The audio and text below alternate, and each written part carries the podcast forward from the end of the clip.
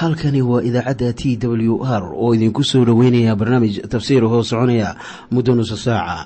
Waxaana barnaamijkan codka waayaha cusub ee waxbaridda ah idiin soo diyaariya masiixiin soomaaliya.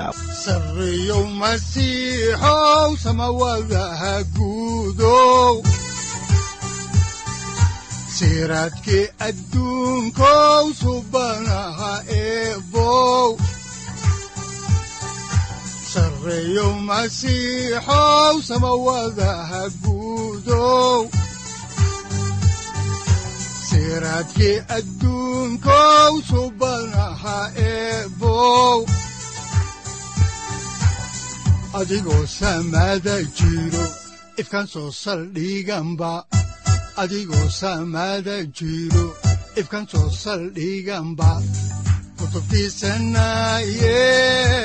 wuxunogu saaciiday sharxin sifahaaga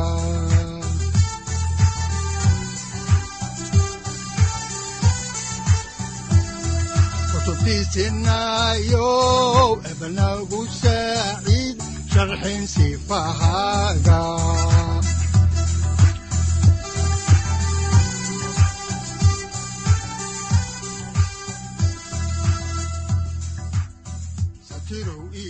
ku soo dhowaada dhegaystayaal barnaamijkeenna dhammaantiinba waxaan horay u sii ambaqaadi doonnaa daraasaadkii la magac baxay baibalka dhammaantii waxaannu idiin sii wadi doonnaa kitaabkii yeshuuca oo ka mid ah axdigii hore. Yeshuuca wuxuu ahaa hoggaamiyihii reer banu israa'iil kadib markii nebi muuse uu geeriyooday.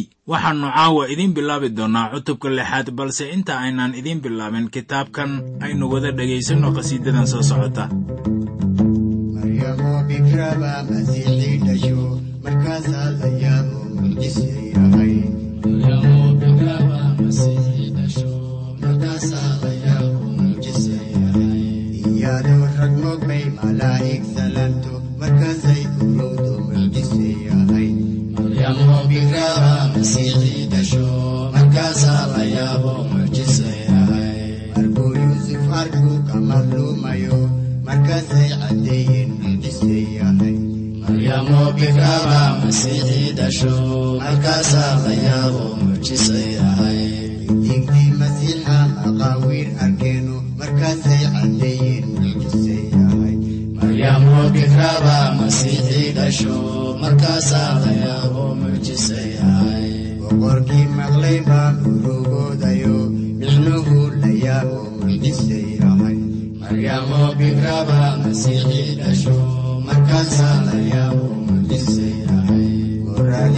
aduun.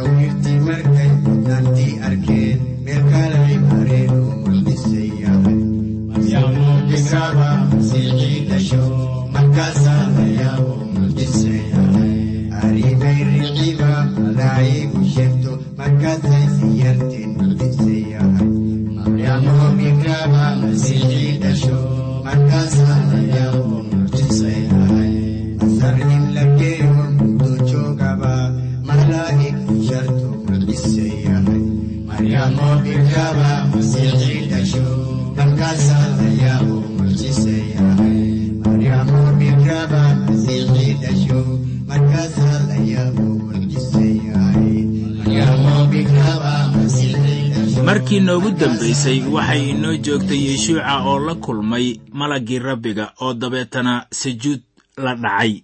Waa markii uu aqoonsadaye haddaba cutubkan lixaadii wuxuu ka kooban yahay hal mawduuc waxaana weeye qabsashadii yerixo waxaannu markaasi soo gaarnay haatan qabsashadii mid ka mid ah magaalooyinka ku yaalla dhulkii la ballanqaaday. Balse intaa aynaan horay idinku sii wadin xigashada kitaabka ayaa waxaa habboon inaan marka hore ka hadalno sidaan halkan ku soo gaarnay. Innagoo ka yara faalloonayna sidii reer banu israa'iil ay ku soo gaareen heerkan. Reer banu israa'iil waxay kaga soo gudbeen webiga urdun si la yaab leh. Markaasay soo galeen dhulkan. Webiga urdun xilliga xagaaga waa mid aan biyo badan wadin laakiin xilliga guga uu soo fatahaa ama biyuhu waxay sabaynayaan qarka webiga waxaa sidaad xusuusataan loo horumariyey sanduuqii axdiga oo ay wadaan wadaaddadii rabbiga.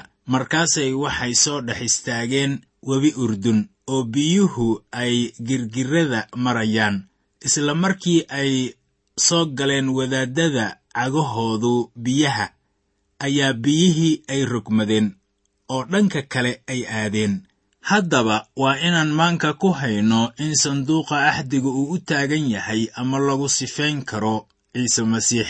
Dabeetana wadaaddadii waxay ku sii siqeen biyihii ilaa ay soo dhex istaageen bartamaha webiga.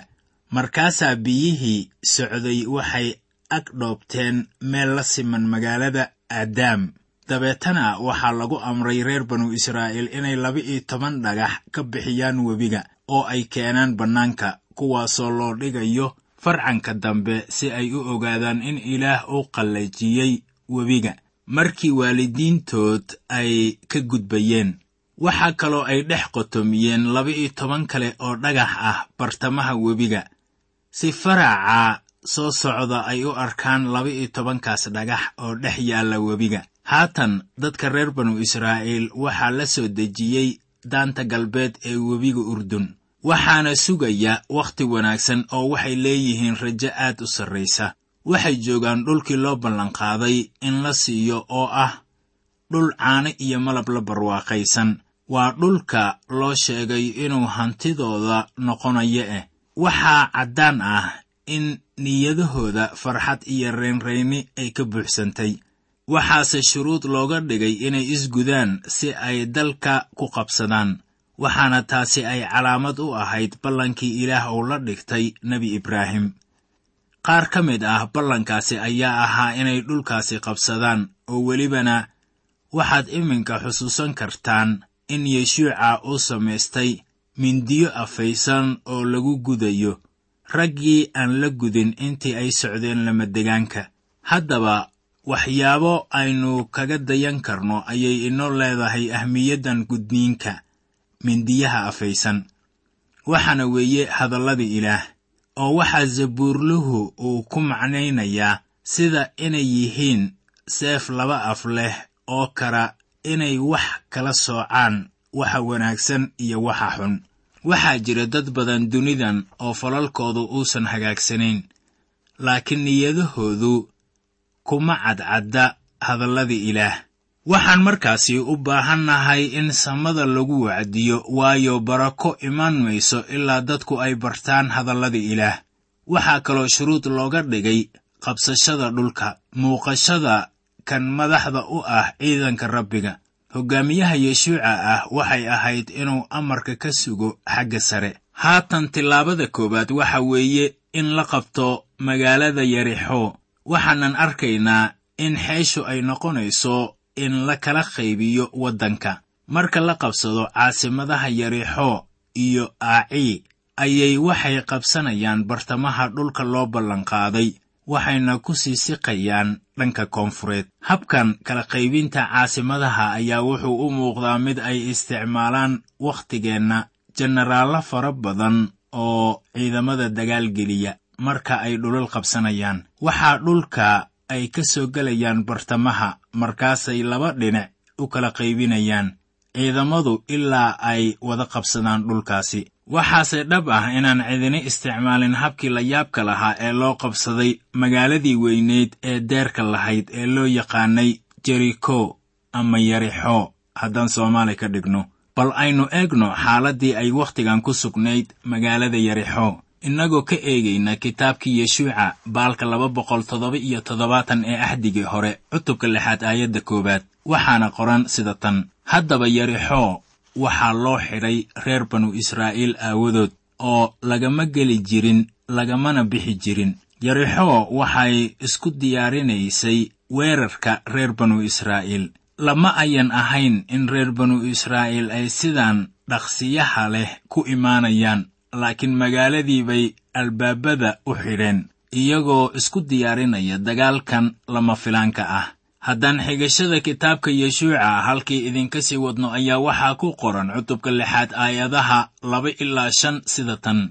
Markaasaa rabbigu wuxuu yeshuuca ku yidhi bal eeg adigan gacanta kuu geliyey yarixoo iyo boqorkeeda iyo ragga xoogga leh oo waa inaad magaalada hareeraysaan oo raggiinna dagaalyahanada ah oo dhammu magaalada mar ku soo wareega oo sidaas waxaad yeeshaan lix maalmood oo toddoba wadaad waa inay sanduuqa hortiisa socdaan iyagoo wata toddoba buun oo wanan geesahood ah oo maalinta toddobaad waa inaad magaalada ku soo wareegtaan toddoba jeer oo wadaaddaduna waa inay buunanka afuufaan.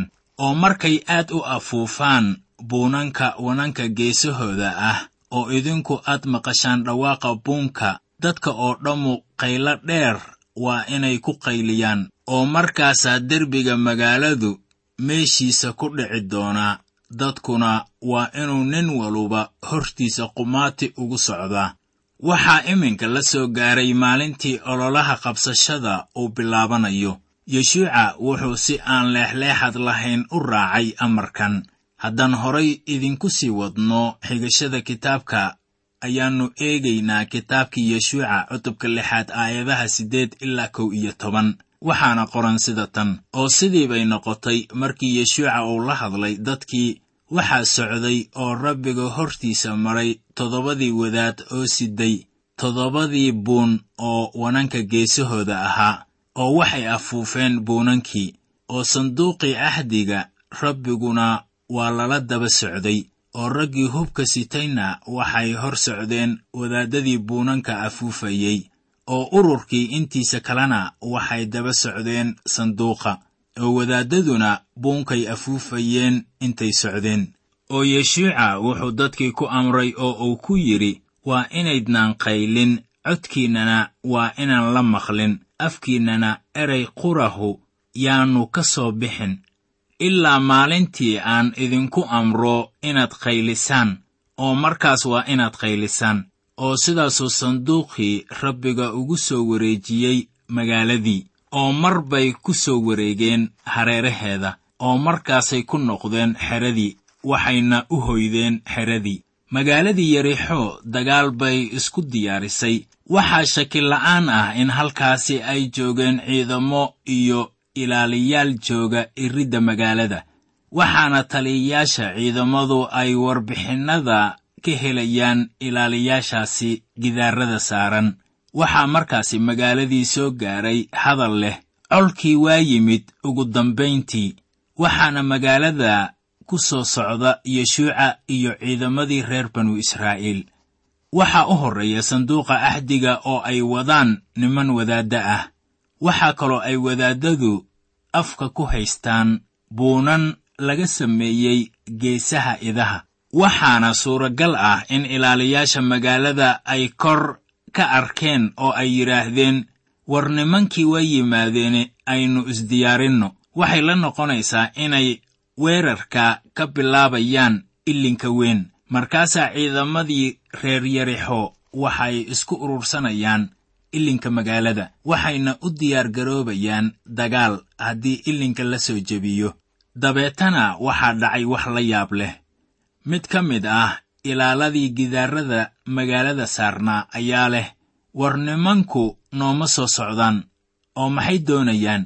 Waxay ula muuqanaysaa inay meel kale ee aan ilinka ahayn ay dagaalka ka soo qaadi doonaan markaasay ciidamadu isku kala qaybinayaan hareeraha magaalada. Iyagoo ku dhex jira gidaarka ku wareegsan magaalada. Beryihii hore waxaa magaalooyinka waaweyn loo samayn jiray derbiyo waaweyn oo lagu wareejiyey magaalada si haddii colku u yimaado aanu si dhaqsiyo leh ugu soo gelin magaalada. Laakiin reer banu israa'iil waxay ku soo wareegeen derbigii magaalada ku wareegsanaa oo iyaga oo aan waxba samayn ayay haddana ku noqdeen xeradii hore ee ay ka yimaadeen. Waxaa taasu shaki ay ku beertay boqorka iyo taliyayaashii ciidamada. Haddaan qisada halkeedii idinka sii wadno ayaa waxaa ku qoran kitaabkii yeshuuca cutubka lixaad aayadaha laba iyo toban ilaa afar iyo toban sida tan. Markaasaa yeshuuca wuxuu kacay aroor hore oo wadaaddadiina waxay kor u qaadeen sanduuqii rabbiga.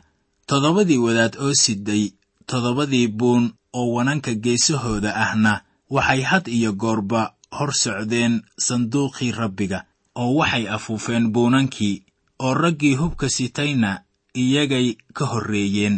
Ururkii intiisa kalena waxay daba socdeen sanduuqii rabbiga. Wadaaddaduna waxay afuufayeen buunankii intay socdeen.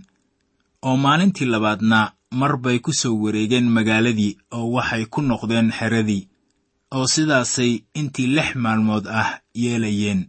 Maalintii xigtay markii ay soo noqdeen iyagoo isla shuqulkii maalintii koowaad samaynaya ayaa laga yaabaa in mid ka mid ah ilaaladii derbiga saarnayd uu yidhi war waa kuwan oo waa soo noqdeen. Dabeetana waxay reer banu israa'iil ku wareegeen gidaarka weyn wayna iska tageen oo ay ku noqdeen xeradooda. Lix maalmood oo isku xigta ayay sidaas yeelayeen oo waxaa suuragal ah in ciidamadii gudaha derbiga ku jiray ee reer yarixo inay daaleen reer banu israa'iilna waxay isku lahaayeen war waxaan aynu samaynayno waa doqonnimo. Haddii aad yeshuuca weyddiin lahayd ayaa laga yaabaa inuu isna odhan lahaa isla sidaas oo kale oo wuxuu odhan lahaa waxaan amarka ka qaataa taliyaha ciidamada ilaah waxaanan samaynayaa wixii la ii sheegay haddaan horay idinku sii wadno kitaabka yeshuuca ayaannu haatan eegaynaa cutubka lixaad aayadda shan iyo tobanaad waxaana qoran sida tan oo maalintii toddobaad aroor horay kaceen markii waagu bariyey oo sidii oo kale ayay magaalada toddoba jeer ku soo wareegeen. Markaana maalintii toddobaad ayaa reer banu israa'iil ay ku soo wareegeen gidaaradii magaalada yerixo.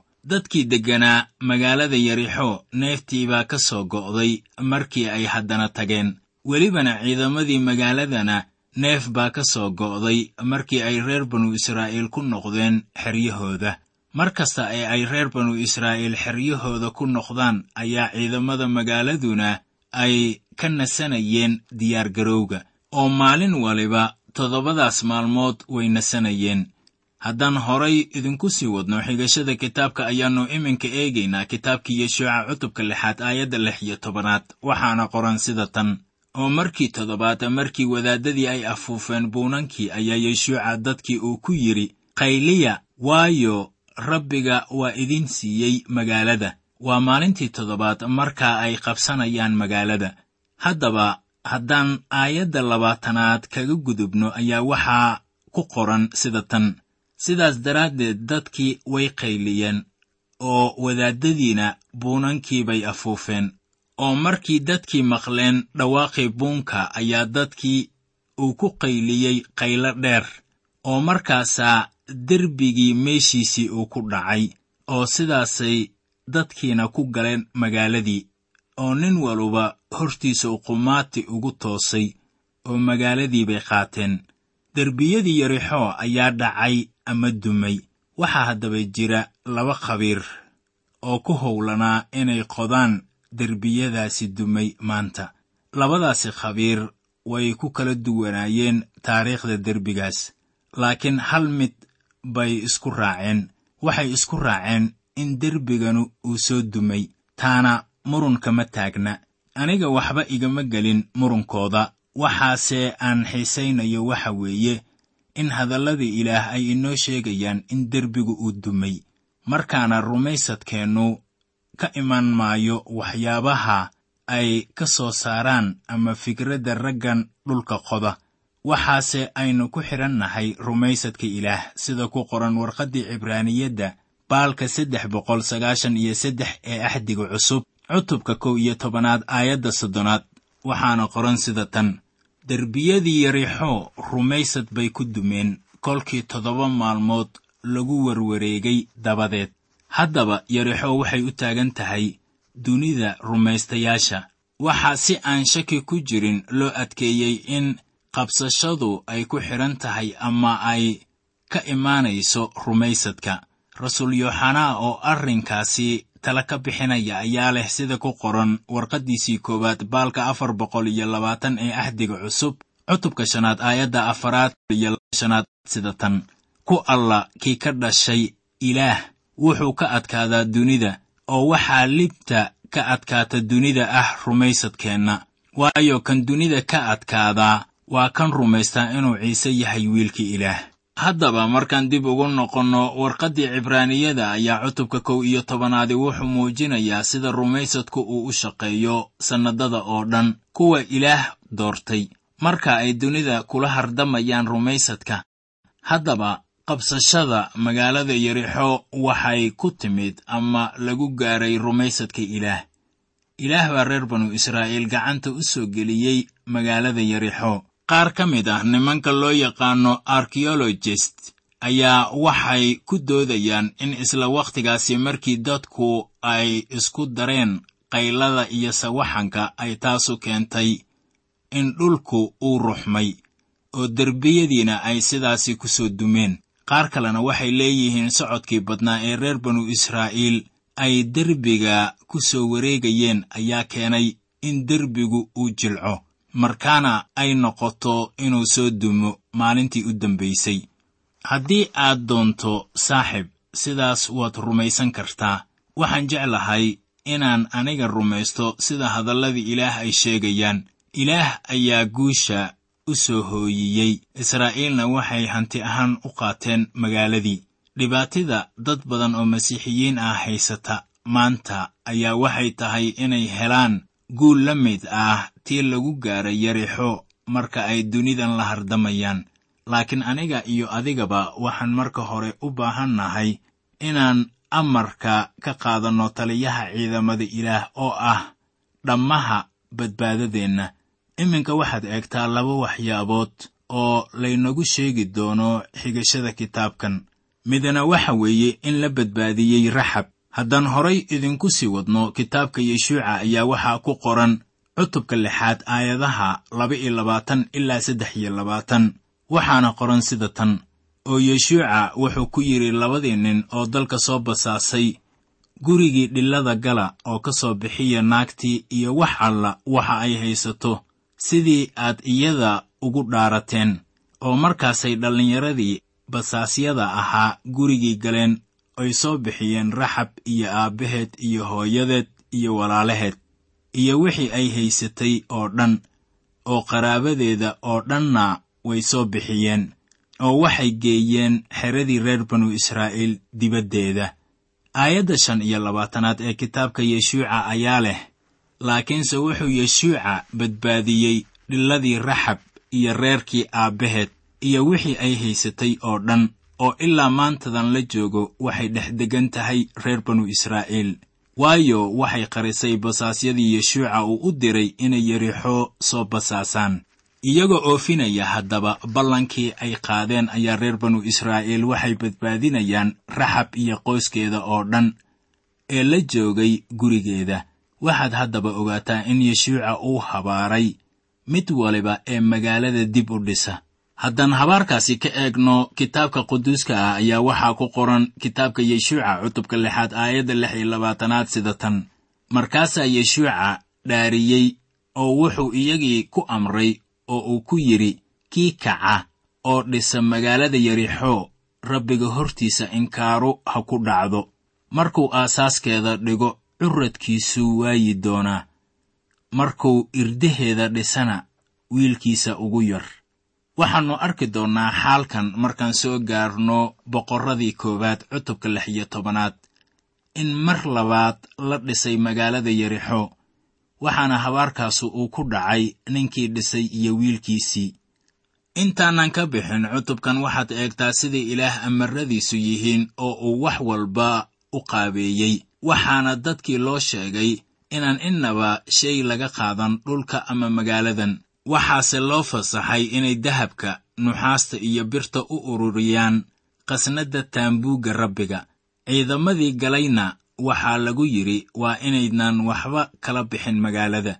Haddaan dib ugu noqonno aayadda siddeed iyo tobanaad ayaa waxaa qoran oo idinku waa inaad si walba isaga dhowrtaan waxa la xarrimay waayo waaba intaasoo markii aad xarrintaan aad haddana wax ka qaadataan alaabtii la xarrimay sidaas haddaad yeeshaan waxaad xaaraan ka dhigi doontaan oo aad dhibi doontaan xerada reer banu israa'iil. Haddaba cutubka xiga ayaannu ku arki doonnaa nin loo deldelayo xadgudubka amarkan ilaah ee loo soo dhiibay yeshuuca caawa intaa ayaannu ku joojinaynaa barashada cutubkan lixaad oo aannu si baahsan u soo xigannay inkastoo aynan wada akhriyin aayadaha oo dhan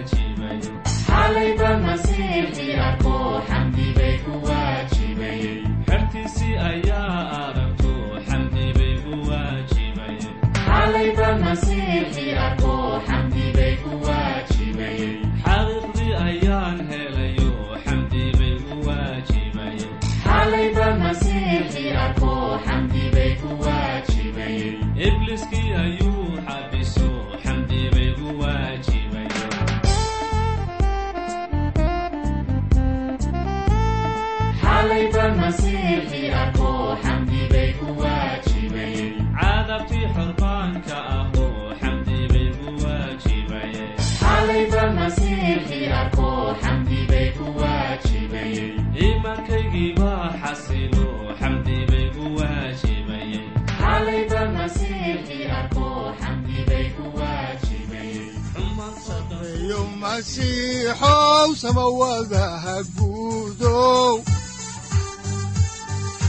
siraadkii adduunkow eebow adigoo samada jiro ifkan soo saldhiganba adigoo samada jiro ifkan soo saldhiganba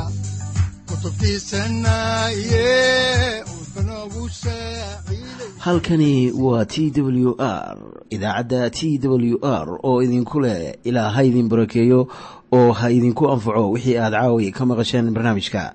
Waxaa barnaamijkan oo kalea aad ka maqli doontaan habeen dambe hadahan oo kale haddiise aad doonaysaan in aad fikirkiina ka dhiibataan wixii aad caawi maqasheen ayaad nagala soo xiriiri kartaan som t w r at t w r c o k e.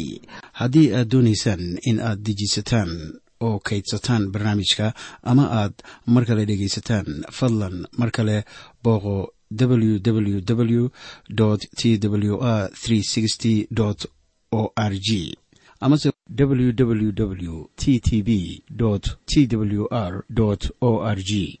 Amase waxaad teleefoonkaaga ku kaydsataa ama ku download garaysataa agabyada ku sahli karaa dhegeysiga t w r haddii aad doonayso in laga kaalmeeyo dhinacyada fahamka kitaabka amase aad u baahan tahay duco fadlan fariimahaaga soo mari bogga aaraahda ama kommentska inana jawaab degdeg ah ayaanu ku soo diri doonaa amase ku siin doonaaye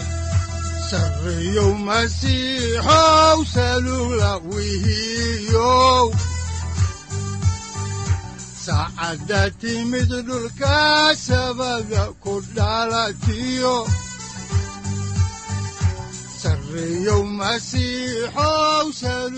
halkani waa t w r oo idiin rajaynaya habeen baraare iyo barwaaqaba leh inta aynu ka gaari doono wakhti aynu ku kulanno barnaamij la mida kan caawayay aad maqasheen. Waxa aan idinku leeyahay nabadda ciise masiix ha idinku badato xagga jirka iyo ruuxaba. Aamiin